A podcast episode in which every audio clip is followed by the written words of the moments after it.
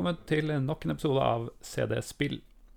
I dag skal vi ta for oss eh, et eh, spill som er fra 95, som heter Rise of the Tried Dark War. Et eh, skytespill. Men før den tid, la oss først introdusere oss selv. Jeg er som vanlig Mr. Mamen. Jeg heter Sigve, og jeg er verdens mest ubrukelige pro-gamer. Og I dag har vi med oss enda en eh, person i det virtuelle studioet vårt. eh, Ketil Espenes, eh, kjent fra Retro Crew bl.a. Er du med oss på satellitt? Jeg er med dere på satellitt, direkte inne fra Stavanger.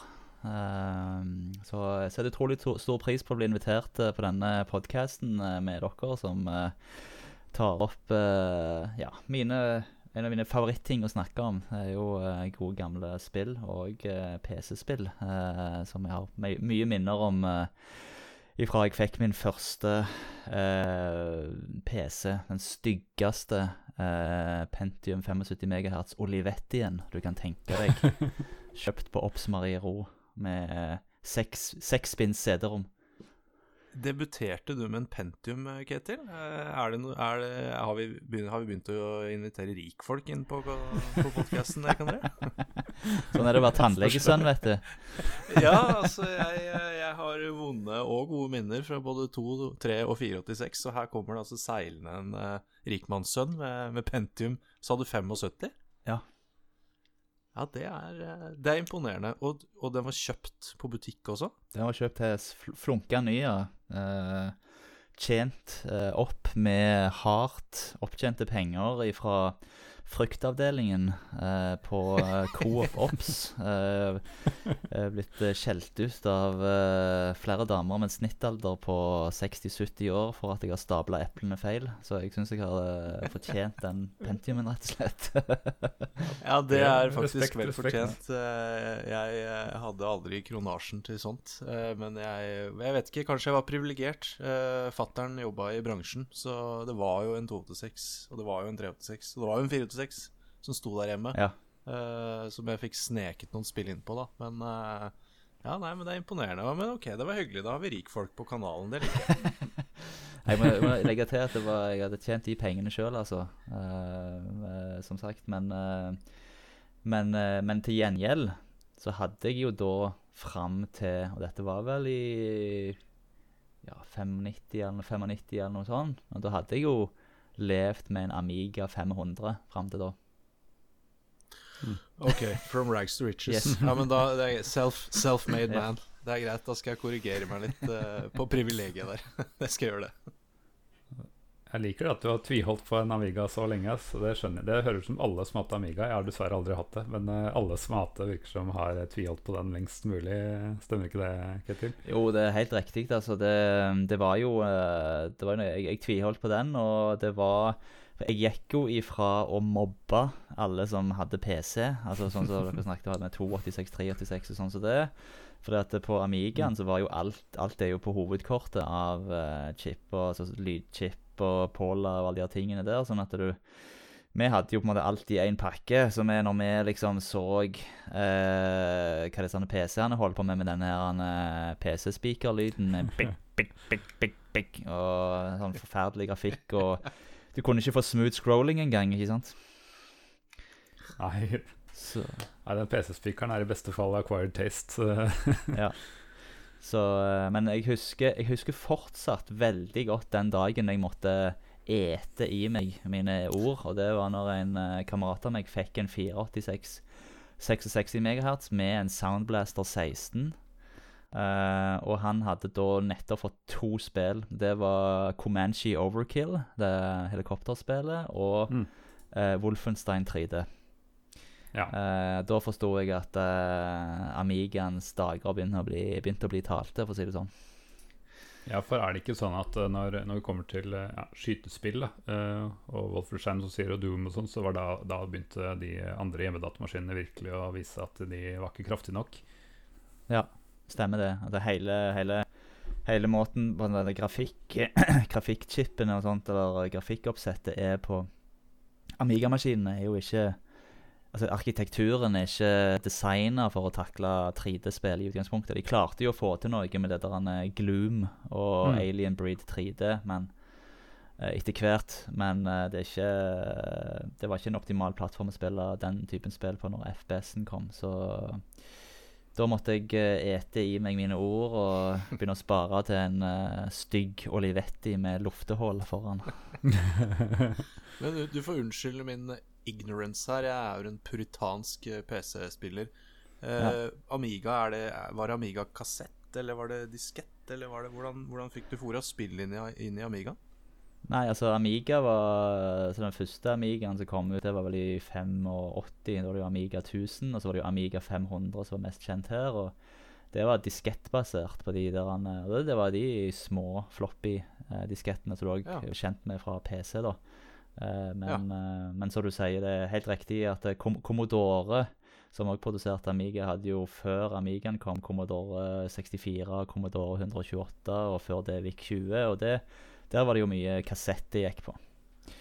Ja, for der, Jeg har noen vage minner der fra en kompis fra barndommen. Mitt, mitt eneste møte med noe annet enn PC egentlig i barndommen. Og han hadde Commodore. Jeg skal være forsiktig med å si hvilken, men kanskje 64. Det var den som var utbredt. Det var den som var kjent, ja. var det kassett.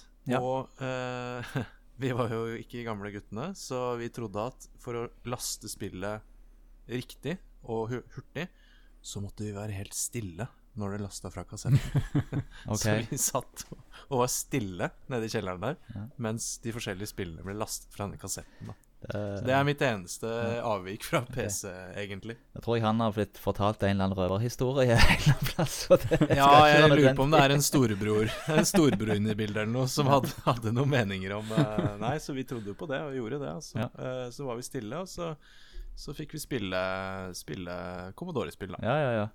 Altså, jeg, eh, jeg spilte jo også mye Commodore 64, men jeg hadde det aldri sjøl. Jeg hadde Atari, jeg, da. Men eh, jeg hadde en kamerat av meg, han hadde masse Commodore 64-spill. Han, han hadde både kassett- og diskettstasjon. Diskettstasjonen Diskettstasjon det var jo sånn fem og en kvart, de store svarte. Mm.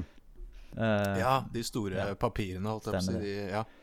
de som var floppy. Det var skikkelig floppy. Uh, og uh, han, et spill han hadde som jeg syntes var gysla spennende, da, selvfølgelig, eh, som eh, Two Disgusting Adolescents. Det var jo Samantha Fox strippoker.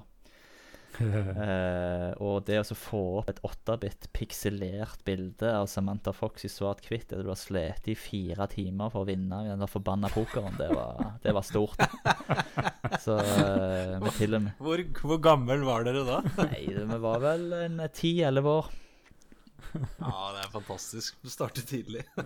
Så uh, da husker jeg at vi låste døra, og så printa vi ut bilde av Samantha Fox i Samantha Fox strippoker på en sånn der matriseskriver.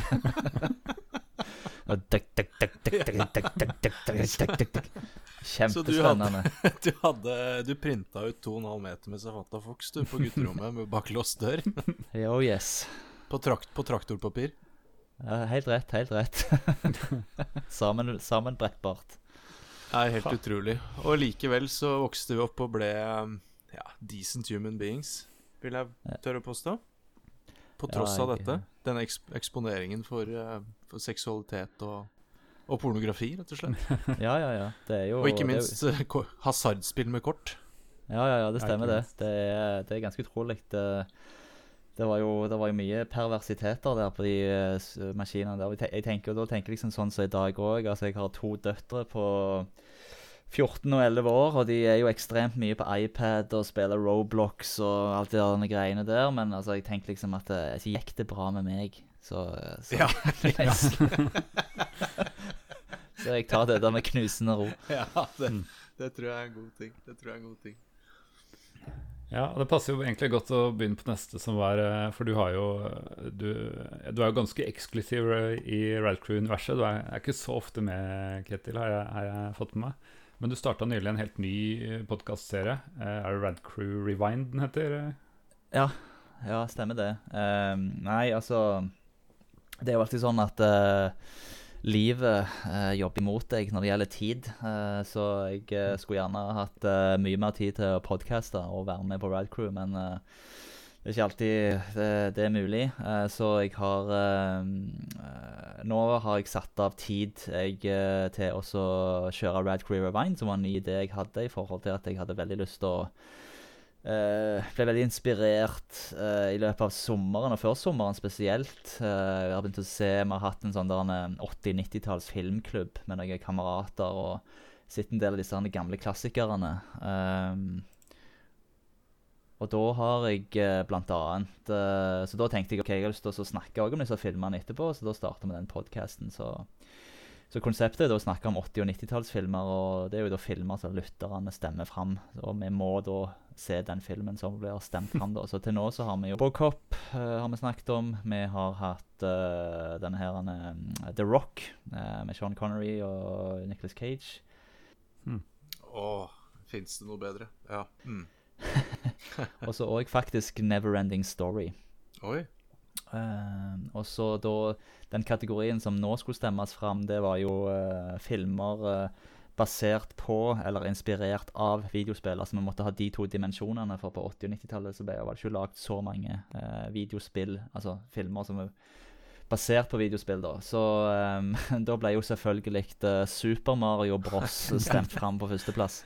Ja, for jeg, jeg, Så i, det, i det du sa eh, spilleinspirert 80- og 90-tallet, så gikk tankene mine umiddelbart til eh, den perlen av en film som jeg faktisk så for ikke så veldig lenge siden, som er Ja, du gjorde Eh, det, ja? Heter den Super Mario Bros, eller heter den Mario Bros? Eh, den, den fantastiske actionfilmen fra 90-tallet. Det heter vel Super Mario Bros, ja. Ja, og Mm. så vidt jeg kan huske, så eh, sleit jeg med å finne noe som ligna på det jeg husker fra Super Mario fra 90-tallet. Eh, Det er litt sånn loosely based, er min feeling. Det er noen rørlegger ja. der, men eh, jeg, ja, jeg, hvor, hvor ble det av Koopa? King Koopa? Og, jeg vet ikke. Ja, nei, det er jo De gjør jo en del uh, kreative valg, uh, som for så vidt i og seg sjøl er, er selvfølgelig lov. Når du skal filmatisere et spill som handler om å eh, springe i et 2D-view uh, og hoppe på spørsmålsbokser og Ja. ta sopper. Men uh, det ble jo litt rart med at han King Cooper plutselig var Dennis Hopper uh, som vanlig person. og ja, som du sier, de gjør det jo veldig klart at Supermario Super Mario Bros. de er rørleggere. Det smører de opp i trynet ditt hele veien. De er rørleggerbiler. Det skal du ikke ha noe tvil om. Nei, stemmer det. Det- Uh, men så har du jo andre ting, som det du sier med at Coopene, som er da sånne to små som går fram og tilbake, de har jo da er veldig store, men ekstremt små hoder. Uh, ja. Jeg tror jo det at eh, som eh, modne, erfarne voksne så stiller vi en del spørsmålstegn ved filmen eh, når vi har denne nostalgien fra Super Mario Bros. i blodet. Mm. Men jeg tenker at hvis jeg hadde fått se den filmen på 90-tallet, da jeg var en liten kid, da tror jeg jeg hadde mista det fullstendig. Jeg tror jeg hadde elska den filmen. ja, ja. Helt, altså, Det har ikke noen ting med Mario å gjøre, utover at de er åpenbart er rørleggere, da. Det er ja, veldig viktig. Men jeg tror jeg hadde sett den filmen på repeat, altså, til jeg hadde sovna. Så, Ja. så jeg, tror de, jeg tror kanskje de traff målgruppen sin, Mm. og så er vi ikke helt målgruppen enn lenger, kanskje, må vi bare innse. Ja. Nei, vi snakka jo om Turtles for ikke så lenge siden. eh, Den eh, hva det, grønne gørra, eller hva det Jakt, het. Ja. Jakten på den grønne gørra, som jeg så på repeat Jeg tror jeg rakk å se den fire eller fem ganger etter hverandre, back to back, uh, i kjelleren til noen venner av mamma og pappa da de var på middagsbesøk. Så det er målgruppen til Mm. Super Mario Bros.-filmen. Ja, stemmer det. Det er, det er veldig mange interessante valg der. Altså, men det er òg at de tar seg den artistiske friheten. Men en annen ting er jo det at de òg de finner det de, de har et sånt voldsomt behov for å forklare hvorfor de heter Mario Bros, f.eks. eh, og det sier du at jo, fordi det begge to heter Mario til etternavn. Det er sånn, OK. Eh, riktig. Så er det Luigi Mario, viktig og Mario riktig. Mario. eh, liksom, OK, jeg vet det er Mario Bros, og det er i for seg selv et lite problem, men altså, var de nødt til å begynne så skulle forklare det på en så utrolig teit måte, liksom? Det, ja. Kunne latt det ligge, bare Ja. forbigått til stillhet. Hadde vel vært det letteste. Yes. Ah, ja. Så nei, uh, Radcrew Rewind, ja. Altså det eh, Vi skal lage ti episoder av Rad Crew Wind og så eh, det den sesongen. Og så er jo planen da å ha en liten reboot på Retro Crew igjen etterpå, da. Det er jo kult, for den podkasten er jo litt inspirert annet av Retro Crew. Så at eh, vi får, eh, får gjensyn med det, det gleder jeg meg til. Ja da, det, det er godt å høre. Så da, da blir det dypdykk i Motorola 68000 CPU-en og. Zilog Er Z80-law.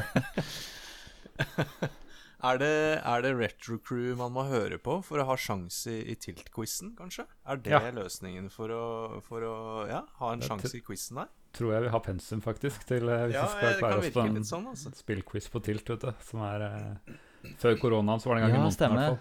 Dere er faste, faste inventar der. Ja, vi pleier å være innom en gang i året, i hvert fall. Ja, Når det passer for oss begge. Mm. Ja. Mm. Nei, vi Kan ikke, kan ikke vinne hele tiden, vet du. Må la andre få en sjanse. Slippe til. Men ellers er det jo mye gode akademiske artikler inne på spillhistorie, selvfølgelig, som jeg eh, kan bruke som inspirasjon, eller få få- noe bakgrunnsstoff til de quizene der. Mm. Ja, Det er et godt poeng, faktisk. Pugge Ja, litt ja, ja, pensum ja. der inne. Spillhistorie er jo god, god alliert av oss eh, som eh, poster podkasten vår og sånt, så han Joakim og de andre som holder på der, er vi takknemlige for samarbeidet med. Ja, det er en vanvittig jobb den gjengen der holder på med. Mm. Så, men skal vi komme oss tilbake til uh, On Track, uh, denne podkasten. vi hadde Ja, for, vi spilte de to forrige episodene inn sånn ganske tett etter hverandre, så vi har ikke, fikk ikke helt uh, alle plukka opp alle tilbakemeldingene fra Supremacy, som er to episoder siden. Vi har fått litt tilbakemeldinger på Supremacy. Uh, Pixel-Berntsen skriver på Twitter Dette er et av mine favoritt-Amiga-spill. Eh, nå snakket vi riktignok om PC-versjonen, men jeg tenker vi gir Pixel-Berntsen uh, free pass. eh, Ja, ja, absolutt. Siden det er snakk om eh, Siden vi tydeligvis nå snakker om både Amiga og Commodore og alt som er. Som jeg spiller Ja, han spiller den en dag i dag, sier han. Eh, fin Oi. samtale rundt det, men savnet at dere begge har spilt det. I hvert fall litt. Hadde vært kult om dere også snakket litt om hva slags impact spillet hadde på spillverden da det kom. Eh, konstruktiv kritikk fra Pixel-Berntsen. Eh, jeg mener jo at du har spilt det ganske mye. Jeg har ikke rørt det, så jeg, ta, jeg tar det på min kappe. Eh, men så har jeg lyst til å stille spørsmålet tilbake til Pixel-Berntsen, fordi verken du eller jeg var vel helt klar over at det hadde hatt en impact eh, utover at det var et kall det ressursstyringsspill. Mm. Eh, så der, der vil jeg gjerne høre hva det påvirket videre. Ja, Det var litt nytt for meg òg. Jeg trodde det var et sånn indiespill som ingen andre enn meg hadde hørt om. omtrent. Så det, men det, det er kult at eh, det, det var litt større enn jeg trodde, da, i hvert fall. Ja, så det, der gjør jeg som en god psykolog, eh, Pixel Berntsen. Hva tenker du? Mm. Jeg må bare skyte inn at uh, han trenger jo et eh, Han må jo få kudos bare for uh, navnet sitt, Pixel-Berntsen. Ja, Ja, enig. Det støttes. Uh, vi fikk en liten hyggelig en fra Alex Gisvold, som vi har nevnt før. Han har kommentert litt på postene våre. CD-spill, hyggelig med shoutout. Må tydeligvis tvitre om dere oftere. Det er helt riktig, Alex. Her er det bare å melde seg på. Dette er et interaktivt show, så er det bare å bli med. Rene Eh, Og, Og videre her så har vi eh, en liten eh, forklaring fra Torbjørn Praus Skau på Facebook.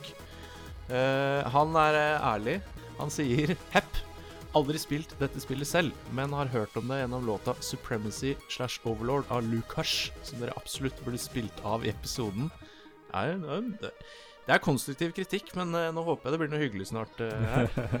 Eh, videre så sier han eh, at for ordens skyld kan jeg med begrenset kjennskap til japansk fortelle at hitatsu, futatsu, mitsu og yotsu betyr mer eller mindre første, andre, tredje og fjerde. Ha, Eller noe sånt.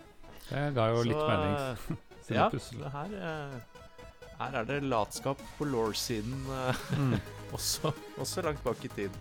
Jeg, jeg lytta til den uh, låta av Lukas som han eh, nevnte, og den var utrolig rå. Så Det er derfor jeg satte på Det er den som går i bakgrunnen her nå, som, som dere har hørt allerede. Og så var det Arkanoid eh, også. Ja, snakket om eh. Arkanoid, eh, dette videreutviklede Pong-spillet. Pong- Ja. eh, hvor du eh, skal knuse mursteiner og kan få power-ups med skyting og lengre eh, paddle osv. Mm. Uh, Pixel-Berntsen her uh, melder seg på, det liker vi. Uh, han sier på Twitter Spilte det på danskeferga på 80-tallet. Vans vanskelig spill, særlig pga. styrekula. Ja, det kan jeg kjenne meg igjen. Jeg brukte mus, og jeg syns også det var veldig vanskelig. Og en ganske stor hastighet i spillet. Ja. Det var stort sett å håpe på at den røde power-upen snart kom, slik at jeg kunne skyte løs. Det var vel jeg også ganske tydelig på. At det Mm. var jo det jeg gikk og venta på. Å få den der eh, gunner-power-upen, så jeg bare kunne blaste de bort. Mm. Det, var, det var utrolig tilfredsstillende. Ja, det, altså det var så deilig Ja. å slippe å drive og konsentrere seg om uh, vinkler og bare skyte løs. Ja, det var Så Pixel-Berntsen han konkluderer her med at han brukte heller pengene mine på Bomjack. Ja, ja, ja. Men altså, du skal ikke skimse av uh, danskebåten på 80- og 90-tallet. Hadde et meget uh, fresht utvalg av uh, Arkadespill. Jeg uh, tror ikke jeg har poppa altså, så mye mer uh, 10- og 20-kroninger inn i Arkadespill som jeg har gjort på danskebåten, faktisk. med Outrun og 1942 og Ja, dette her Jeg spilte vel riktignok aldri Arkanoid der, men jeg husker det var ett T-spill. Um, så vet jeg, han skytespill som jeg ikke husker akkurat nå. Men uh, der var, der var de, de slo til på eh, Fred Olsen-lines, altså. Ja, for jeg skjønner jo at uh, her er det en verden jeg har gått glipp av i min uh, spartanske barndom. Mm. For den danskebåten uh, har jeg ikke vært på før, før jeg var gammel nok til å kjøpe min egen sprit, tror jeg. Ja. Så, så jeg har ikke jeg, har- rett og slett gått glipp av Hva skal jeg si eh, sjøsatt TG i gamle dager. hvor det var mulig å game, game i bølgene. Så, så det, det er morsomt å Mm. høre. At det faktisk var et lite, et lite LAN ute på Ja, sjøen ja. eh, på, på tidlig 90-tallet. Ja, det var Det, det greia her var jo liksom at når du skulle eh, Ofte når du skulle Ofte så var sommerferien her Det var liksom at eh, pappa pakka for Taunusen, og mamma hadde lagd matpakken, og liksom det var ut Det var kjøre til Kristiansand, og så ble det ta danskebåten fra Kristiansand til Hirtshals i Danmark, og det Da var det god stemning. Det var liksom Jeg husker jeg fikk eh, penger av foreldrene mine, og jeg gikk aldri bort til de der eh, pengespillautomatene, for jeg visste Uansett, selv om jeg kunne vinne mer penger der, da, det, det, så, så gikk jeg direkte til arkademaskinene Arkademaskinen og spilte Pitfighter og uh, Outrun og ja, WWF-spill og ja. Så det var, det var helt topp. Jeg husker det var, det var bare helt til slutt, kanskje, hvis jeg bare hadde en femkroning igjen, så kanskje gikk jeg bort til de pengespillene for å se om jeg vant, enda, vant litt, klarte å vinne litt mer penger, så jeg kunne spille videre på de Arkadespillene, da. Denne tapte, denne tapte, denne tapte barndom for meg eh, skjønner jeg at jeg får, eh, får forgjeves prøve å ta igjen på, på tilt Ja. eller noe. Eh, Ja. For dette er, jo, dette er jo opplevelser jeg aldri, aldri Ja, ja, ja. vil få. Så jeg får prøve å gjenvinne det i voksen alder på tilt.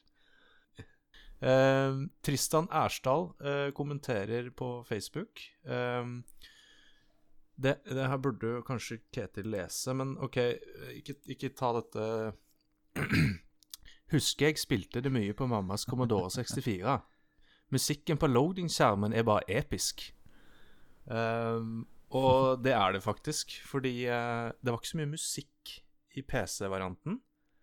Uh, men så hørte jeg på, på YouTube-linken som han poster der, fra da Commodore 64, og den introlåta, den er faktisk Den er dritfet. Den er, uh, den er rett og slett dritrå. Um, så gå og hør på den inne på Facebook på kommentarfeltet. Og Ketil, beklager at jeg prøvde meg på noe dialekt der. Men det, det var skrevet på en sånn måte, så jeg tok en Ja, sjanse. det er du, du, du blir tilgitt i himmelen. Men, men ikke her inne på den, podkasten. ikke den Siddis-dialekten der. Det sikkert hørtes like bra ut hvis jeg skulle prøve å snakke østlandsdialekt. for å si sånn. Vi skal få vår lønn og tilgivelse i himmelen. Jeg går elegant videre. Eh, Siste kommentar på, på Arkanoid. Eh, en uh, nerd som jeg kjenner ganske godt, eh, som heter Eirik Gjerløv, er inne med sin sedvanlige hva skal jeg si, konkludente holdning. Uh, han kommenterer under Arkanoid at nei, DX-ball er bedre. Jeg har ikke prøvd DX-ball. Er det noen av dere som har prøvd Ikke DX, DX. Tydeligvis ikke. Her kommer Nei. vår inkompetanse fram. Vi får uh, forberede oss til uh, Hvis vi skal dekke det noen gang. Ja, jeg tenker, eh, Eirik, jeg kjenner deg. Eh, Du går ut høyt. Eh, Ikke kom med problemer, kom med løsninger. Forklar oss hvorfor DX-ball er bedre til neste gang. Nå kom jeg på at Vi nevnte jo denne Netflix-dokumentaren High Score. Er det noen som har sett den ennå? Jeg har sett den. Jeg har sett- alle. Jeg har sett, jeg har sett High Score. Eh, Jeg likte den veldig godt, fordi det var en uh, lettbent og lett fordøyelig uh, forklaring av uh, Kall det spillhistorien Mm. fra 70-tallet og oppover. Samtidig så er det en lettbent og lett fordøyelig forklaring av spillhistorien. Så den gjør jo uh, Den skraper jo overflaten og, og dropper viktige ting og Ja. Men jeg, jeg syns den var underholdende og informativ. Mm. Mm. Ketil, eh, jeg har ikke fått sett den ennå, men eh, hva har du eh, Hva for noen tanker gjorde du deg? Nei, jeg syns det er positivt. Altså, jeg synes det, Produksjonen er jo kjempebra. og Netflix gjorde en eh, bra greie der. altså selvfølgelig, Og forhåpentligvis får mer folk øye opp for uh, spillhistorie når de ser det. og som jeg er helt Mm. enig med det du sier, at det var informativt og, og fint på et greit nivå. Uh, så kan du sikkert diskutere at de gjerne fokuserte litt mye på sånn competition gaming opp igjennom. og hadde bare sånne random ting som de tok for seg, men eh, det var generelt sett veldig bra. Så, men så nører de jo opp under en del sånne tåpelige usannheter, som f.eks. at ET er verdens verste spill. Uh, som har blitt Mm. en sånn der en Ja. internett-sannhet eh, som ikke stemmer, da. Uh, og at, det, og at de, det var det som gjorde at på en måte, Atari gikk konk og Eller ja, gikk, fikk dette krasjet og sånn som det, da. Så han, eh, Howard Scott Warshaw der har jo fått litt sånn unødvendig uh, liksom oppmerksomhet pga. det, da, men allikevel så ser jeg jo at han dukker jo opp i alle disse dokumentarene pga. det. da, sånn sett Tjener sikkert gode penger på det, at han har det ryktet. Så kanskje det ikke er så dumt for han allikevel, da, sånn sett. Ja, det er bra. Helt til slutt, før vi begynner på dagens tema, så ga jeg deg en uh, utfordring forrige uke, Sigve. Husker du, husker du Ja. utfordringen? Du skulle teste litt eh, Det var noen som klaga senest denne episoden at du spilte litt eh, Ja. lite spill før, eh, før, før vi spilte inn episodene. Så nå er jeg spent på hvor, hvor mye Arkanoid har du fått spilt den siste uka? Jeg, jeg husker utfordringen, og, og altså hvor mye jeg har spilt, eller hvor langt jeg har kommet. Ja, begge. Du- Nå får vi se. jeg, jeg, Det henger ja, jeg, jeg, jeg tenkte jeg skulle spille det som eh, holdt på å si i gamle dager, med den, eh, den, eh, det oppmerksomhetsspennet jeg hadde som jeg vet ikke, åtteåring eller tiåring. Så jeg fant, fant en, veldig, en veldig god uh, emulering, PC-emulering uh, online, Um, som jeg kjente umiddelbart i hjertet, med. Mm. Alt var liksom riktig uh, visuelt og, og på lyd. Og jeg kom til eh, level 3. Ja, Fire ganger. Det Og så orka jeg ikke ut. mer. Ja, det hørtes ikke som skrøyt, så det hørtes helt troverdig ut. Så da Ja, det, er- det er dritvanskelig. Level 3. Ja, det, er sånn, det er det. det er sånne steiner som ikke kan knuses, og så er det bare to som kan. Så den kula går dritfort, Mm. og, så, og så går du ja, Nei. Jeg kom til level 3. Jeg gidder ikke å Jeg husker ikke high scoren engang. Det kan ikke kalles en high score, men score. Low score. Ja. Ja, det er bra. Du tok utfordringen i hvert fall. Det var eh, det som var poenget. Jeg venta litt på at du skulle si at du hadde glemt det, eller noe sånt, så det er bra du faktisk eh, klarte å komme til level 3.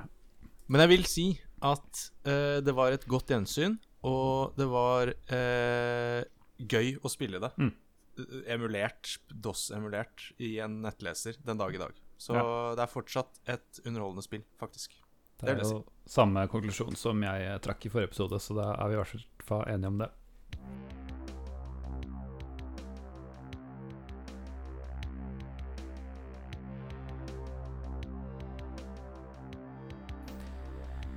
Da har vi holdt på en god stund og skal omsider vege oss inn i dagens eh, tema, eh, som er Rise of the Triad eh, fra Apogee Software, eh, som senere fikk navnet 3D Realms. Eh, jeg tror ikke det var så veldig lenge etterpå. Eh, det ble utgitt i 1995, eh, og allerede året før, eh, på slutten av 1994, så kom demoen, eller shareware-versjonen, som het eh, The Hunt Begins. Um, som i motsetning til vanlige RPG-spill, så var ikke den shareware, eh, eller demoversjonen, eh, brett som var med i fullversjonen. Det var en egen sett pool med brett, så de fikk litt eh, egne De fikk blanda litt som, eh, av spillelementene, som, som eh, som kom, var litt spredd utover i spillet. da Så du fikk eh, oppleve både vanskeligere fiender og flere våpen og sånn som, som måtte spille mye lenger for å, for å komme til i fullversjonen.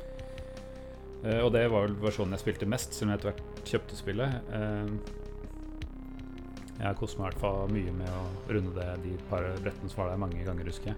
Mm.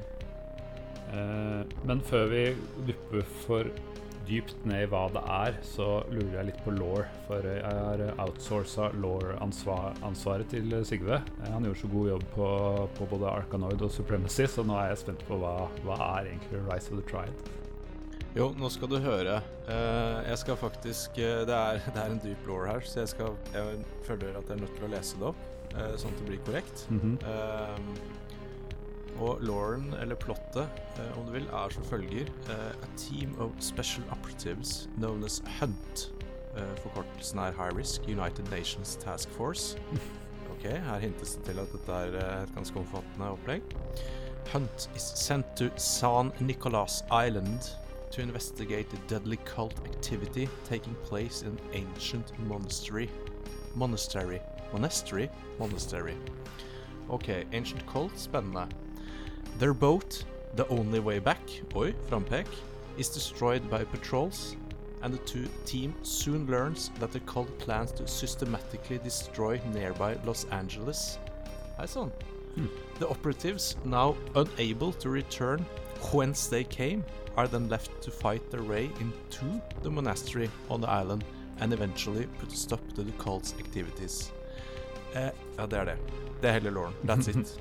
Jeg har søkt, jeg har googla. Det, det, det er ikke noe mer. That's it. De er fra United Nations. De skal undersøke noe. Båten eh, går i do.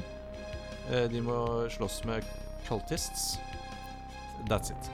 Ja, det var like magert som jeg eh, var.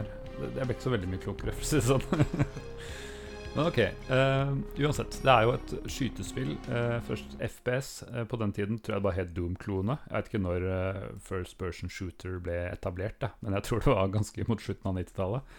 Ja, det, det stemmer vel det. Altså det, De sier jo nå liksom at eh, First Person Shooters på en måte har eh, ja, gått tilbake igjen helt til liksom eh, Selvfølgelig, liksom som du sier, med Doom og gjerne spill før det, men Mm. selve, selve FPS-uttrykket kom vel aldri i skikkelig bruk før eh, Før det på en måte kom med, med de mer nyere type FPS-spill, sånn som Halo og den type ting. Mm. Eh, så eh, jeg er enig i det som du sier. Det var vel eh, Ja, de kalte det bare for de kalte det bare for Doom- Doom-kloner, eller ja, Mm. multiplayer-spill. Nei, for uh, det som er med uh, rått, som det bare ble for, forkorta, passa godt, for det var rimelig rått. Det var eh, veldig voldelig, uh, veldig hurtig gameplay, og hver gang du skyter Eller du kan velge gore-setting, men defaulten er vel på det vold, blodigste og voldeligste, og da er det jo eh, da ligger det jo Polen med blod, er jo én ting, det er det alle spill, men, eh, men det er jo øyer som eh, faller ned foran skjermen, og det er mye lemmer som havner både her og der. Mm. Det er jo Jeg fikk Ludicrous Gibbs. Mm. Det var jo veldig stort eh, når det skjedde. Eh, da var jo det Det var jo at du hadde. Ja, da var det jo eh, en eksplosjon av eh, folk på en gang. Eller hva du sier. Regna ned med innvoller og øyne og det ene med det andre. Ja. Uh, jeg tror det der, og det uttrykket der Gibbs, det var vel også et sånt, det var jo også et sånn en 90-tallsgreie. Uh, uh, de gjerne, Doom-klonespillene. Det ville aldri vært noe som har blitt brukt noe særlig etterpå. Nei. Nei, det er sant, det hadde jeg glemt det. Men Ja. eh, ja, stemmer det. Og uh, samme så liksom uh, i Quake, når du kunne telefragge folk, f.eks. Det har jeg aldri hørt det etterpå heller. Nei, det er sant, det. Finner opp sine egne Ja, multiplay-moden i, i eh, Rise of Triad het Combat, med Mm. to m-er. Jeg vet ikke helt uh, Husker ikke helt hvor, hvorfor. Det sto sikkert for et eller annet, det også. Det var jo de kaller det for Comlink, når du kobler opp med kobler opp til Ja. andre direkte med et modem. Ja, det må du selvfølgelig ha hørt, ja. Mm.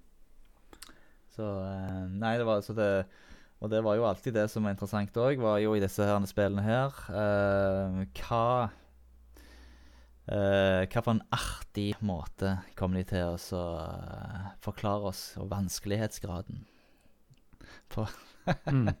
De forskjellige vanskelighetsgradene det skulle jo alltid være eh, sånn utrolig fancy forklart. Spesielt etter Doom kom ut. Over de som Nei, det var vel Wolfenstein som starta med det. Mm. Med Hurt Me Plenty og ja. Det, er Stemmer det. Ja, for det, det er jo det, er jo Når du starter spillet, så får du valget mellom fem ulike personer å spille. ja. Som eh, Du må se i manualen for å se hva som faktisk er forskjell på dem, annet enn utseende. Men det er visstnok uh, sikkert hvor mye helse de har, og muligens hvor fort de løper. og litt sånn eh, Jeg tror det er noen uh, forskjell på dem, annet enn estetisk. ja, jeg tror det er nok de gjør. Men, eh, mennene som er litt mm. mer kraftige, de tåler mer eh, skade. Mm. Men så beveger de seg seinere. Altså, når jeg ser damene, de er i hvert fall kjappere og tåler mindre.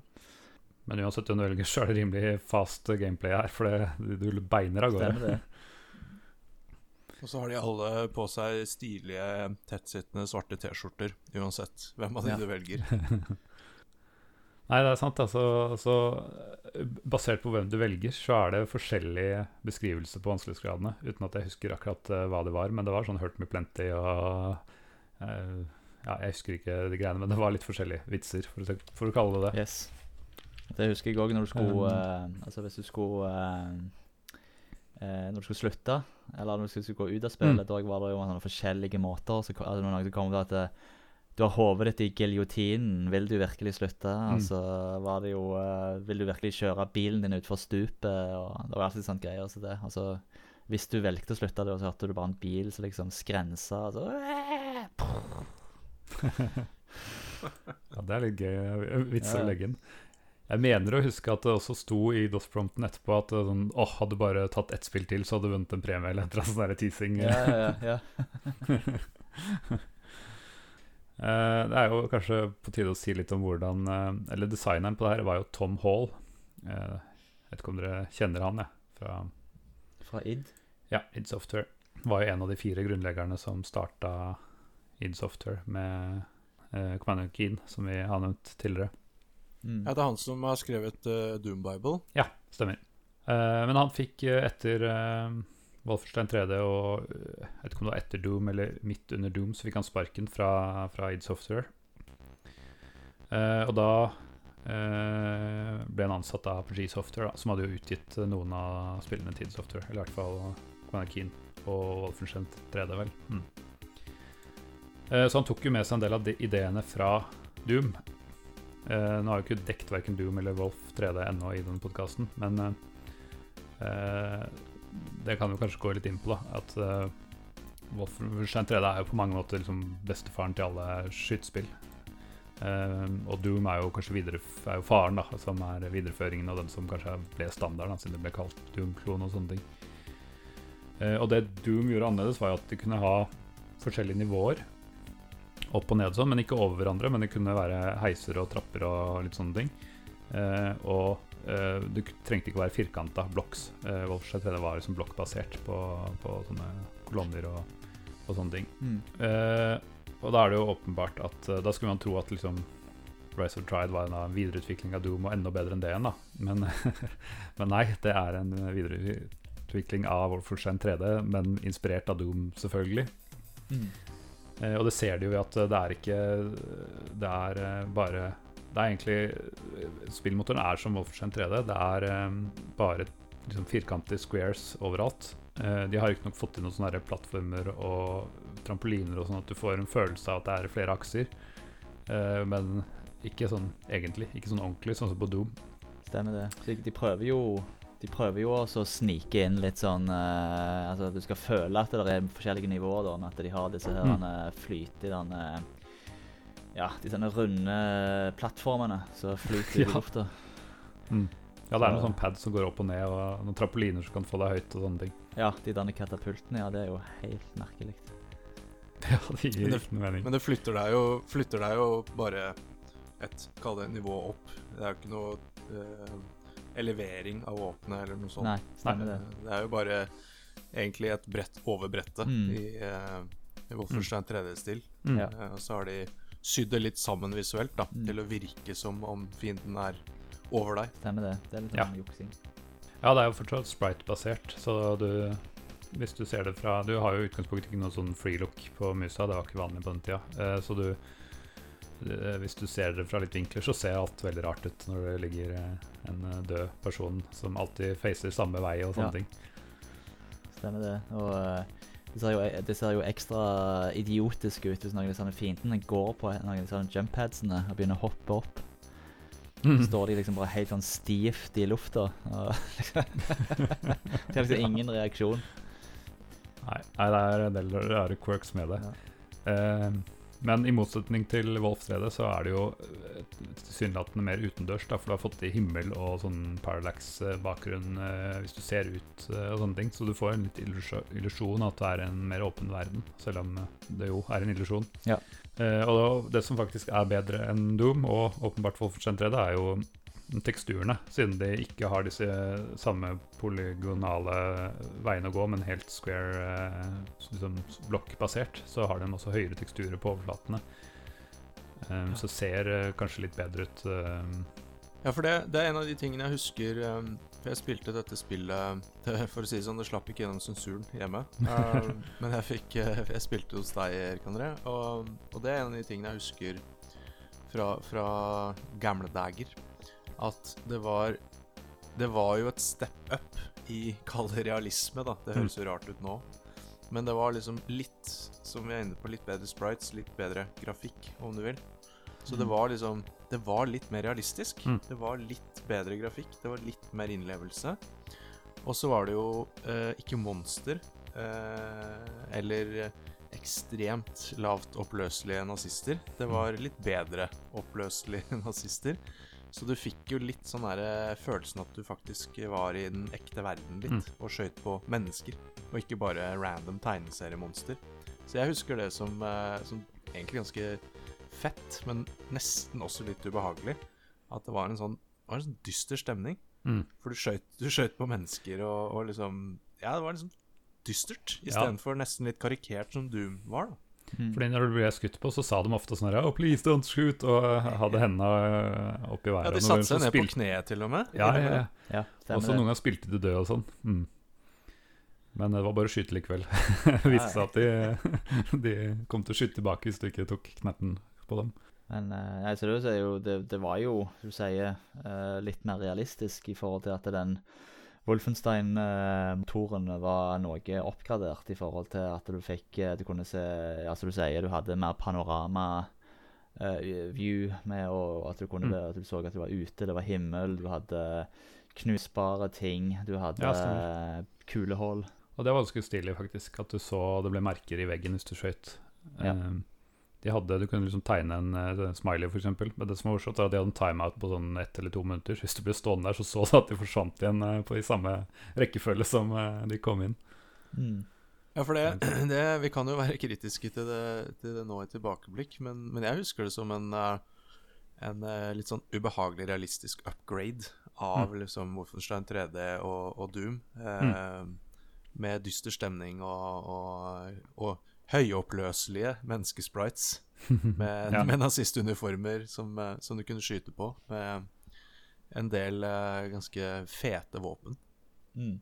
Ja, nei, jeg er enig i det. Det er jo også uh, Ja, som du sier, så var det uh, litt mer realistisk. Og jeg husker at da Doom kom, så gikk det sånn rykte i venne, vennegjengen min i hvert fall, at Nei, det, var- det var jo så grusomt, og det, det, alle har jo sett de der artiklene om eh, hvor, hvor grusomt Doom var eh, fra noen aviser her og der.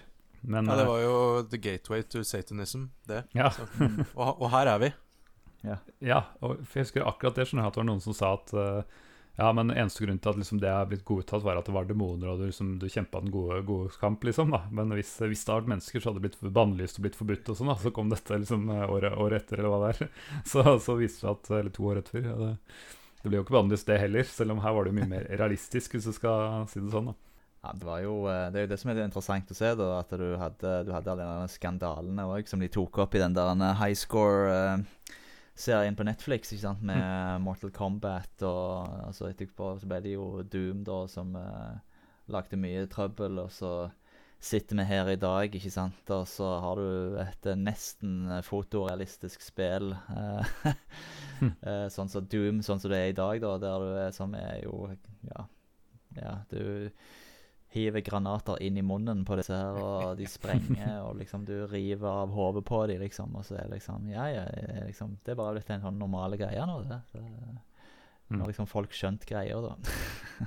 Jeg er jo jeg er veldig glad for at uh, Punisher-spillet fra jeg vil si rundt 2010 at Mm. det slapp gjennom sensuren. Fordi én ting er jo å kaste granater inn i kjeften på et litt sånn uh, karikert monster. Ja. Men uh, der er det jo uh, jevnlige forskjellige typer avrettinger av mennesker. hvor du kan skyve kniver gjennom bakhoder, kaste folk ut av vinduer, rive, stappe granater i kjeften på Så det er jo en av mine mest underholdende spilleopplevelser. Sånn voldelighetsmessig er jo Ja. Punisher-spillet til PC fra ja, sånn ish 2010. Ja, Så, stemmer, så jeg er glad det glapp gjennom sensuren. Kanskje bra det ikke ble en eh, banger, en kjempehit. Så, så det havna ikke på radaren til diverse lovgivende forsamlinger. Ja, nei, vi har, vi har kommet en lang vei siden da. Altså ifra når uh, Vi hadde jo òg dette spillet Night Trap, som de snakket om på den uh, high score-dokumentaren òg, som lagde mye Det er jo bare helt fantastisk, da. At de faktisk klarte å bli provosert av det. Ja, det er helt utrolig, for uh, det fantes atskillig eh, mer eksplisitt og bedre produserte voldsfilmer rundt den tiden enn Mm. det B- B-vare B-sorteringsproduktet som Night Trap eh, var, da. Ja. Men de som lagde Night Trap, var jo superhappy. De fikk jo De har aldri solgt så mye capis eh, som etter at Kongressen prøvde å forby spillet. Så. Nei, altså det var jo så fantastisk òg at de faktisk prøvde å Altså Ledelsen prøvde jo også å gjøre spillet til mindre skummelt med å ha disse eh, ja, zombie-vampyrene til å gå seint, og de skulle bare gjøre sånne helt sånne rare ting så det ikke gikk an å replikere hjemme. altså Det førte jo bare til at det bare ble så sykt absurd og merkelig. Ja, det ble så creepy. Ja. eh, med svarte plast, eh, søppelsekker og, eh, og disse innretningene som de skjøv inn i halsen på folk. Ja, ja, ja, stemmer det. Blodsugermaskinene. ja, ja, stemmer, stemmer. stemmer. Er det noen av dere som husker musikken fra Race of the Tried? For eh, den, eh, det jeg husker av den, er at det er midi. Og det, det er, i 1995 så er det litt seint å fortsatt komme med midi. Men eh, det ble vel sikkert sluppet på både disketter og, og CD-rom. At det kanskje er derfor. Jeg vet ikke helt. Jeg husker, jeg husker spillet veldig godt. At det var voldelig og realistisk og dritfett. Jeg husker ikke Mm. musikken. Jeg så litt Let's Plays og sånn før denne episoden, og jeg husker ikke musikken derfra heller. Nei. Kanskje sier sitt. Ja, jeg kjenner den jo igjen, men jeg syns ikke den var veldig minneverdig. Og eh, ja, midi kan, bra midi kan være bra, men det ikke et, eh, det, dette var ikke veldig bra midi, for å si det sånn. Nei. nei. Det brakte Eh. ikke tilbake de gode minnene. Nei, gjorde ikke det, altså. Det jeg derimot husker, var at det var en level-editor på Eller jeg vet ikke om du fulgte med, men i hvert fall fikk jeg tak i en level-editor. Så jeg koste meg med å lage et par, par brett. Eh, det er alltid gøy med gamle spill når du fikk den muligheten. Da var det ikke så vanskelig. Det finnes jo level-editorer til eh, spill i dag òg, men de har en tendens til å være fryktelig kompliserte. Eh, og det tar jo tar jo timevis bare å lære seg hvordan man bruker det omtrent. Så, men Ja. dette var rett fram å plassere som tiles, så det var egentlig ganske kult. Mm. Ja, men hvordan, hvordan kan du beskrive litt for meg hvordan det ser Jeg bare Hvordan ser det ut, en level-editor på tidlig 90-tall? Egentlig ganske lett, Hvordan satte du sammen et brett? Du ser det ovenifra, ikke sant? Sånn top down. Og da plasserer du bare sånn tiles. Og i hvert fall det her som ikke har noe uh, sikksakk-mønster, bare rette, så har du bare å klikke i en grid omtrent. Sånn, eh, så det var egentlig ganske lett. Men eh, jeg innså det at eh, ja, det var lett å lage et eller annet som du kunne trykke play, men det var vanskelig å lage noe som ga mening og godt, godt brettedesign. Det var ikke liksom gjort på 1, 2, 3, da, som jeg liksom ikke skjønte før, før jeg prøvde selv. For eh, det var jo ofte De, brettene hadde jo ofte sånne nøkkelkort og fin låse opp. Gå dit for å trykke på den knappen som åpner den døra, så kommer du inn dit for å åpne en annen og finne ditt og datt og spre den litt finere her og der. Og ja, det er vanskelig å gjøre det der på en sånn måte som funker, og som ikke bare blir kjedelig backtracking. Det sliter jo Det er jo godt Det merker du jo på gode og dårlige spill den dag i dag. For, for, for selv eh, selve Rise of the Tride-spillet leid vel litt av det, den sykdommen at noen av disse brettene ble ekstremt store og kompliserte etter hvert. Mm. Ja, de ble det. Ja. Fordi Var det, var det feller Det var feller? Eller husker jeg feil? Ja, jo, det er helt riktig. Vi burde jo snakke litt mer om det før vi går videre. Ja, det er fryktelig mange måter å dø på, og mye forferdelige ting. Det er sånne blader som spinner Hva heter det, sånn blades som spinner rundt. Ja. Sånn knivgreier. Grusomme greier. Og de kan bevege seg fram og tilbake i et mønster òg, så ikke må bli truffet av dem. Mm. Eh, Det er noen sånne pilarer med noen lavablokker eller noe sånt som kan gå fram og tilbake. Ja, Og så er det rakettkastere som kan være som, eller, som kan skyte ut fra veggen, men jeg husker. Jeg husker, vet ikke om du husker noe mer i farta? Eller noen av dere? Nei, men jeg husker veldig godt de der spinnende barberbladgreiene. Så når du skøyt på, så fløy kulene tilbake igjen og sånn. Ja, stemmer. Så det var liksom ikke bare skyte, skyte, skyte. Det var nesten litt sånn puzzle, puzzle game òg. At du måtte bevege deg riktig rundt disse ja, litt sånn plattform, litt sånn uh, Prince of Persia 3D-ish, mm. kanskje. At du måtte være litt forsiktig hvor du trådde og hvor, du, hvor langt du hoppa og sånn. Mm. Eh, Men du kunne også bruke det mot fiendene, ved at du kunne aktivere eller få dem til å gå, gå på dem hvis du gjorde, gjorde det riktig. I noen tilfeller, i hvert fall. Ja, ja. Og så kunne du, kunne du, det må nevnes, eh, for det, vi, vi er jo litt tilbakeblikkskritisk tilbakeblikkskritiske her nå, men du kunne dual-wielde. Du kunne dual-wielde guns. Ja. Og det, i hvert fall ifølge internett, så var det nytt for Rise of the Tried. Ja, det tror jeg på. Stemmer det. Mm. Ja. Da, da er det jo automatisk bra Segway inn til alle de forskjellige fantastiske våpnene du kunne ha. Ja, Mm. fordi Ja. de valgte jo å gi deg unlimited ammo på kule, kulevåpen, da. Skytevåpen. Mm. Eh, men på bombekastere og rakettkastere osv. Så, videre, så var det limited ammo. Ja. Og det sier jo kanskje litt om hva de ønsket at skulle bruke. At skytevåpen, kulevåpen, var egentlig bare baseline. Ja, ja, ja. ja. Eh, det var jo veldig, det var veldig tilfredsstillende å skyte folk med den rakettkasteren. ja. Det er veldig tilfredsstillende. Det, Ja, for det, det var, var det den som sprengte nesten hele synsfeltet? At alt bare eksploderte eh, rundt deg? Det var, det var jo flere av dem, men jeg husker i hvert fall én Ja. som det bare, Alt bare eksploderte. Ja, nei, altså jeg husker likte jo best den standard-rakettkasteren. Uh, som Ja. på en måte Ja, som ligner egentlig litt på den. Men så, du hadde jo mange versjoner av den i Rise of the Triad som var helt sånn der eh, ridiculous. Du hadde jo den der eh, som gikk i, sånn der, en saks. Altså de i, i sånn ei bue. Og så møttes de hverandre igjen. liksom. Det var et sånn totalt upraktisk våpen som ingen noensinne hadde lagd. ja, stemmer det.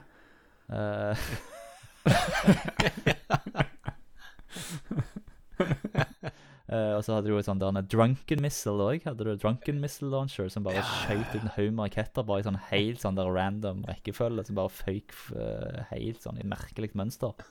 Ja, stemmer det. Jeg hadde glemt. Men det, det, det var noen rare ting. Og de hadde både Ja, for den standardrakett Det var liksom bazooka som gikk rett fram. Men du hadde Ja. noe sånn heathseeking også som, kunne, som, som du bare skøyt, og så traff en stort sett alltid. Stemmer det? Ja. Brukte noen av dere magi noen gang? For det, det var jo en greie. Men jeg, jeg, jeg, The hand jeg of tror jeg God. holdt meg til Ja, ja, ja, ikke sant? The hand of God, ja.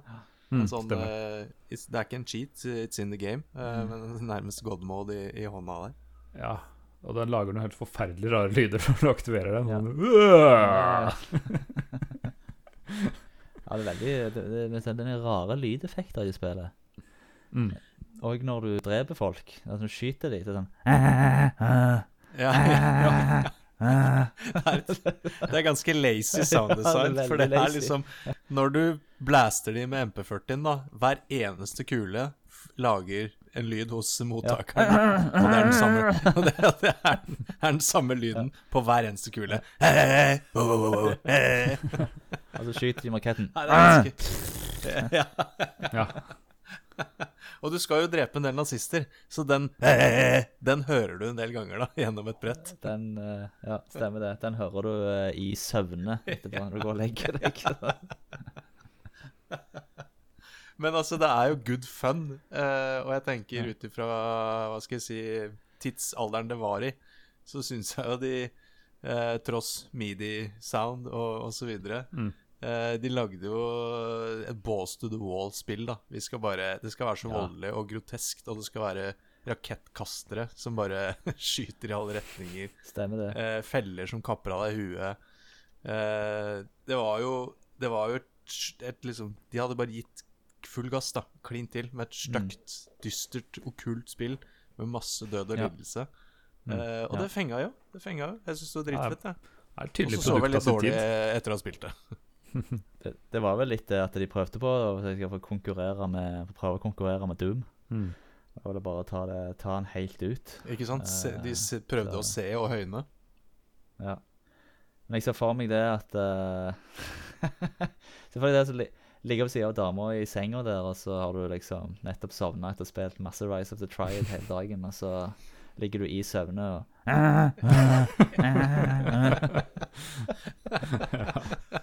Jeg skjønner ikke hvorfor det spillet ikke fikk mer suksess. Nei, sant? Hvorfor ble ikke det en banger sånn som Doom? Jeg kan ikke fatte og begripe det. Nei. nei. Uh, jeg syns jo det er litt morsomt at eh, Altså, på Wikipedia sto det jo at uh, altså det er fire bosser i spillet. Så står det der at uh, alle fiendene er altså digitaliserte, ekte skuespillere Mm. som ble spilt av Apogee-ansatte og venner og familie av dem. Ja, det er vel det ressurser man har. Man begynner å lure. liksom Er det noen som har en agenda her? I, Ja. i det mørke og det smertefulle?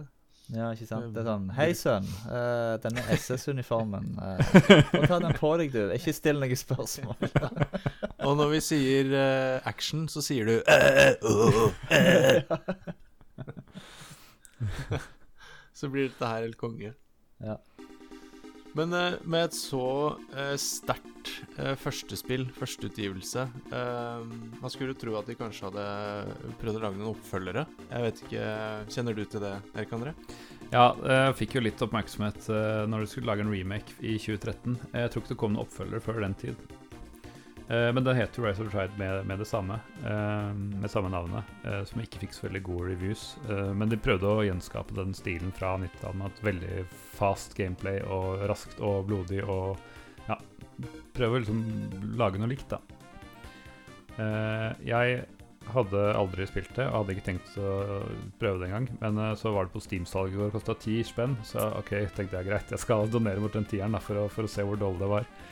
Eh, og det som var litt morsomt, var jo at eh, første brett ja, Jeg spilte ikke med første brettet, men det var jo identisk som originalen. Eh, altså identisk som i brettdesignet på det var likt. Det så jo helt annerledes ut, og jeg hadde ikke kjent igjen at det var samme sted hvis ikke det var fordi jeg akkurat hadde spilt eh, originalen. Så, så det er jo litt morsom homage, da. Men eh, men eh, nei, det, så det er klart Hvis du ser noen screenshots, så virker det kanskje litt mer fristende. Fordi det er jo litt høyere oppløsning og en del høyere oppløsning og, og sånne ting. Men jeg, jeg hiver meg på, den, eh, på det som relativt mange mener at det ikke var noe veldig stor suksess. Altså. Mm. Jeg vet ikke om noen av dere andre har spilt 2013-versjonen? Nei, jeg tok meg ikke bryet med, med det. Eh, eller, jeg tenkte jeg skulle i hvert fall høre hva andre syns først. Eh, og deretter tok, tok jeg meg ikke bryet med å spille det. Eh, og jeg sitter med det samme inntrykket etter å ha sett et par reviews på, på YouTube, at eh, dette er en eh, Hva skal vi kalle det? Eh, en slags tro, tro til originalen, men ikke på den gode måten. Mm. Eh, så det er like frustrerende, det er like dårlig level design. det er like mye random deaths. Mm. Og i tillegg så var det visstnok ekstremt dårlig optimalisert. Så med liksom en skikkelig battle station, eh, som eh, gikk langt over hva det krevde, så var det liksom Nei, jeg måtte ha på nesten på sånn low på, på graphics eh, for å få det til å kjøre. Mm. Så, så de de rota det litt til der, er mitt inntrykk eh, også. Fra, fra å ha hørt litt YouTube-reviews. Eh, så jeg syns jo kjernen her er jo litt fet og litt Mm. eh, rå. Eh, så jeg vet ikke Det hadde vært gøy om de prøvde å gjøre det ordentlig en gang. Ja. Og, så, og så kanskje det kunne blitt fett. Ja, det er jo altså hvis du leser altså, dette var, altså, så dere, så dere, Som jeg sa innledningsvis her, så er jo dette et spill som var eh, originalt eh, da meint til å være en oppfølger til Wolfenstein. Og eh, hvis du leser liksom hva som skulle være plottet i, eh, i det spillet, det originale konseptet, da, så er det jo det at, eh, at fit, altså Hitler har tatt kvelden eh, og død, og han har jo da eh, Det er noen da krefter bak han da, som har lagd denne her The, The Triad og, og har liksom lagd en ny plan og sånn som det. Så det er jo det er jo på en måte nazister som måte har liksom overlevd eh, døden til Hitler da, og på en måte har tatt Mm. ting videre. Mm. Uh, så det er jo litt lignende da, det som er i de nye Wolfenstein-spillene. Mm. Det kan jo hende at det har havnet litt i skyggen av det, rett og slett. Eh, Mm. For det I hvert fall Mm. min erfaring med de siste nye Wolfenstein-spillene er at de er jo helt sinnssykt bra. Eh, med unntak av eh, helt, helt, helt siste, eh, med coop-greiene, som var dritræva. Men eh, The New Blood og, og disse her var jo storymessig grisebra. Eh, gameplay, grafikk, altså helt Så jeg tenker jo Ja, de var helt magiske de fikk til der, så jeg vet ikke. Kanskje Mm. Rise of the Triad eh, Ikke sant? Kanskje Rise of the Triad eh, ble lagt, lagt litt on the back burner fordi eh, de rett og slett fikk det til med Wolfenstein-rebooten. Stemmer det. Uh, og du nevnte det i forhold til hvorfor var Space Rise of the Triad noe mer, uh, mer suksess. Altså, hvis du ser tilbake igjen på 95 og de FPS-spillene som kom ut da, så hadde du jo mye annet snop å velge mellom, blant annet William Shatners Tech War. Det har du spilt, Erik André. Det- Det har jeg ikke hørt om engang. Nei, William Shatner. Eh, det er jo din gud, din helt. Jeg vet ikke. Jeg har kjennskap til andre ting han har gjort på skjermen, men akkurat det her var nytt. Det var en bok han skrev, det var ikke det? Tech War. Han skrev den boka, så han lagde et spill basert på den. Er dette Mm. en perle du har eh, prøvd å spille, eller, Ketil? Ja, ja. Jeg spilte det, jeg, på Shareware. Uh, det var ikke bra, uh, men uh, jeg er glad for at jeg faktisk har opplevd og spilt det. Det var, det var jo sånn som det var på den tida, ikke sant, sånn som dere sa òg. Altså, Shareware var jo ekstremt stort, og det var jo id på en måte som gjorde det stort. Og jeg abonnerte da på den tida på databladet Giga, heter det. Mm. Ja, det, jeg fikk da mye sånn der, Det var sånn CD-er som fulgte med med forskjellige skjermer på. da Så jeg ser her eh, I 95 så kom jo òg Dark Forces ut. ah, ja, Star Wars-spillet, Eh, ikke? Star Wars-spillet, ja. Eh, og eh, Heksen, blant annet. Mm.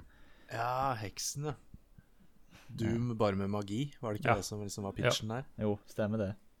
Ja, Det hadde jeg glemt helt ut. Et spill som heter Witchhaven. Det spilte jeg òg, faktisk. Det var en sånn eh, Det FPS. Det var litt sånn der lignende eh, Ja, lignende Heksen, da. Så, men, men Dark Forces, det spilte jeg jo uh, mye. Mye, da, selvfølgelig. Det var jo, Mm. det var jo helt, uh, helt konge. Jedi Game Agent. Game Agent. Så det var, det var tøff konkurranse for, eh, for eh, Rått, Rise of the Triad.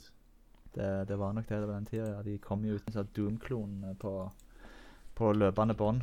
Ja, ja, ja. Eh, Så det var jo Og det gikk jo en ekstrem eh, Det gikk jo inflasjon i i alle disse uh, Doom-klonene. Blood, uh, Sin, ja, Heksen, Heretic eh, eh, og ja, disse her. Men så kom jo Duke Nukem 3D, da, som på en Mm. måte rettferdiggjorde alt. Ja, ja. Satt standarden litt. Ra wrapped it all up. Yes, ikke sant? Jeg mener å huske Jeg mener å huske eh, Soldier of Fortune. Eh, Det er jo nok en del år seinere, men at Mm. det var liksom Det Mm. var litt sånn neste steg i det løpet der. For da var det Da var på en måte Man hadde spilt ut alt av helvete, mystikk, eh, dysterhet, vold. Hva var det neste? Nei, men hva om kroppsdeler Ikke sant, inn i 3D-verden. Kroppsdeler kan Mm. dette av. Ja, Så ja, nesten, ja. nesten sånn uh, breakable environment. At det var breakable people. Så du kunne skyte av armer, bein uh, i det hele tatt. Og ja, være så morbid og destruktiv du bare ville. Uh, så så det går Ballen ruller videre. Det gjør den. Voldsballen. Stemmer det.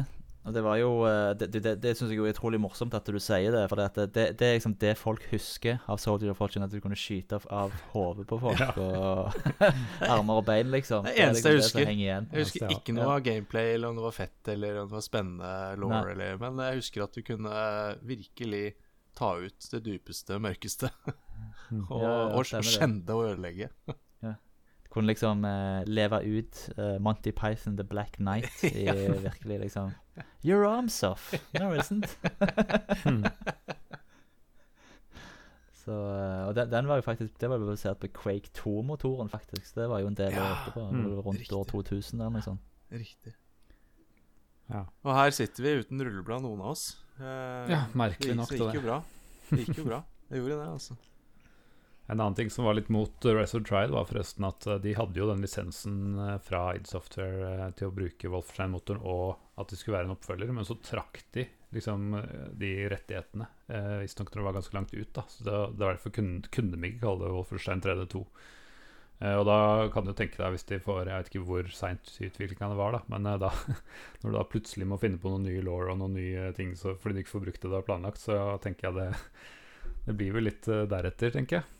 Ja, det passer, Mm. jo, passer jo litt med det som, som nevnes på, på Wiki-siden. At eh, Som du er inne på, at det skulle være en oppfølger, og at de hadde noen lisenser her, og det plutselig ble trukket. For da Det, det mest åpenbare er jo alle disse nazistene som flyr Mm. rundt.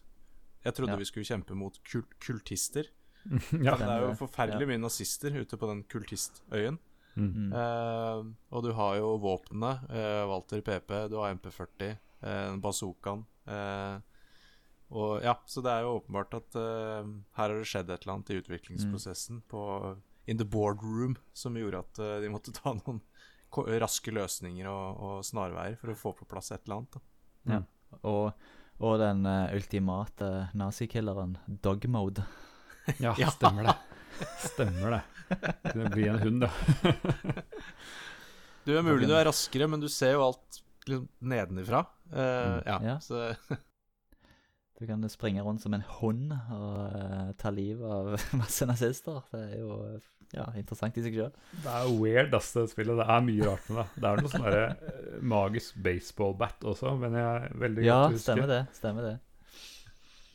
Nei, er, jeg tror ikke jeg klarer å bestemme seg for hva det er. Det er kanskje litt av grunnen til at det både at man husker det, og at det kanskje ikke er verdens beste spill og fikk masse oppfølgere òg. Ja, det er litt sånn all over the place. Så bare oppi alt dette så er jo poeng, poengene eh, som du fanger, som, Mm. som mynter i Mario, er jo sånne ank-symboler. Egyptiske ank-symboler. Ja. Som betyr life, liv. Mm. Eh, jeg vet ikke helt Det passer kanskje inn i kultist The cultist Mm. environment. Ja. Jeg vet ikke. Mm. Men eh, hvorfor er alle de nazistene der, da? Hvis det skal være kultister? Jeg vet Ja. ikke, ass. Nei, det er all over the place. Det er all over the place. Ja, det er litt sånn Det eh, Liksom Ja, ja, nazister, ja. Indiana Jones. Da er liksom de i Egypt og graver fram liksom, der han eh, graver der. De må ha noe anker eller noe inn der, kan vi ikke det? Eller, liksom, jeg som det har vært helt sånn der han eh, mushroom brainstorming på gang. Ja, ja, ja. Ja, apropos det, det er jo mushrooms i, eller shrooms i spillet. Ja, stemmer det. Jeg faktisk, ja, stemmer. Men det er en power down, så det er sånn der Storm og Dalen ikke Don't do it, kids. så Ja. du Nei, så jeg tror eh, Men det, det som er greia, det kom jo nylig ny, nyheter om at de skal remake Altså at de skal pusse opp denne originalversjonen, da, ikke 2013-versjonen, men, men denne versjonen fra 95, Ja. eh, og gi den ut på nytt. Eh, og det er jo alltid litt interessant at man velger å gå den veien. Jeg så, jeg så jo Jeg, jeg ble jo litt nysgjerrig. Eh, jeg så, så noe YouTube eh, Det var i et studio, eh, og så var det en Keys som satt og spilte eh, Rise of the Triad, originalen, da, på, på Nintendo DS. Eller Ja, Switch, da søren, ass. er det vel. Ja, unnskyld. Switch. Eh, Konsoll, vet du. Jeg snakker konsoll. Eh, DS, ja, det er den bitte lille fra eh, ti år siden, det. Dobbeltskjerm. Ja. Det er det fra sånn Eh, nei, så- Ja, stemmer, stemmer. Han satt og spilte, spilte rått uh, originalt på, på Switch. Uh, altså, jeg ble ikke dritgira av det. Uh, jeg tenker for min del, personlig, subjektivt eh, Originalen er ikke så sinnssykt fet at jeg går og tripper og gleder meg til en, en liksom oppusset remake. Hvis de hadde lagd et nytt spill basert på det, da hadde jeg vært nysgjerrig. Men jeg, jeg, jeg trenger ikke å spille rått optimalisert til, til Switch. Altså. Men det er bare meg. Det er bare meg. Kan vi egentlig bare hoppe rett inn i det vi pleier å avslutte med når vi nærmer oss slutten her, om det har holdt seg i dag? Er det et spill man kan eh, eh, ta, ta for seg i år? Uh, er det noen av dere som har forresten spilt det nå? Uh, det skulle jeg sikkert ha gjort, men eh, jeg vet ikke om det går an å få tak i originalen på Good ja, Old Games eller noe sånt? Både eller? på GOG og Steam ligger det faktisk, så jeg er på opp for ja, en ok. eh, bitte litt på GOG her i forrige uke. Nei, men da kan jeg eh, hoppe på det, da, siden jeg faktisk har prøvd litt. Um, og det første jeg merker, eller aller første jeg merker, er Å uh, oh ja, 1995. Ja, da hadde man ikke, hadde man ikke funnet ut at uh, WSAD var fine kontrollere. Altså det er pi- piltaste som var standard. eh, Yes. standardting. Eh, Men heldigvis går det an å velge det selv. Da. Så etter litt sånn fikling og ordning, så fikk jeg ordna et kontrollskema som uh, funka. Men eh, så kommer det andre, og det er jo at eh, det er så lav oppløsning. Og det er ganske fint med pixel art fra, fra som vi snakker mye om på den, på, den podkasten her. Men når det liksom er eh, rendrert eh, live, eh, så det blir det sprites som er forminska og forstørra og, og sånne ting, så blir det bare veldig sånn smørje og veldig vanskelig å se.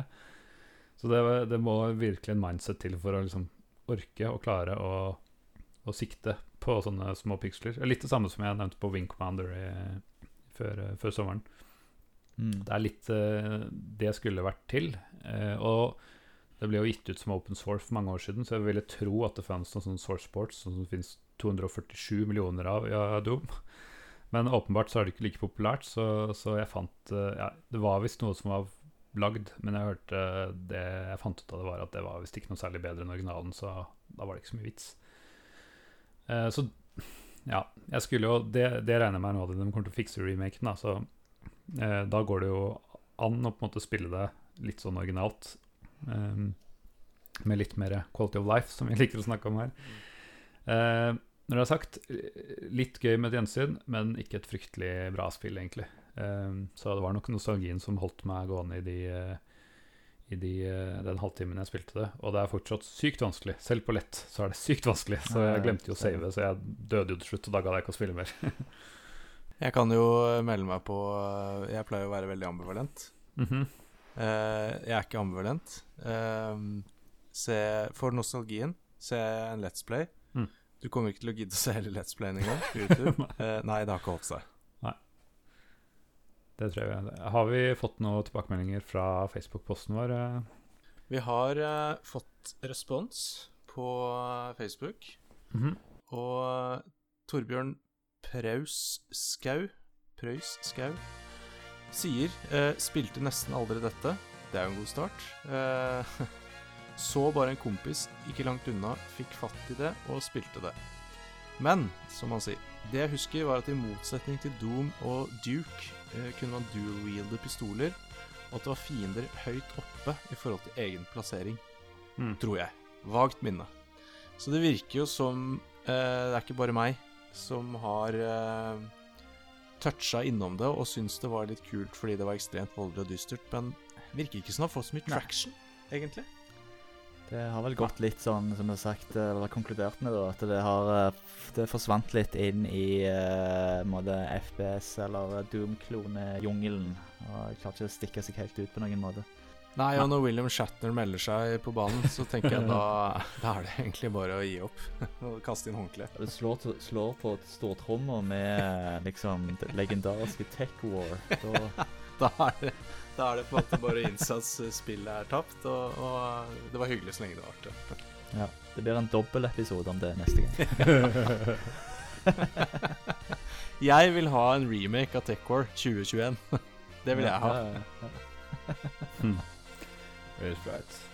Yes, nå har vi holdt på lenge. Det blir en av de lengre episodene, til tross for at vi ikke har kommet med noe veldig varm anbefaling.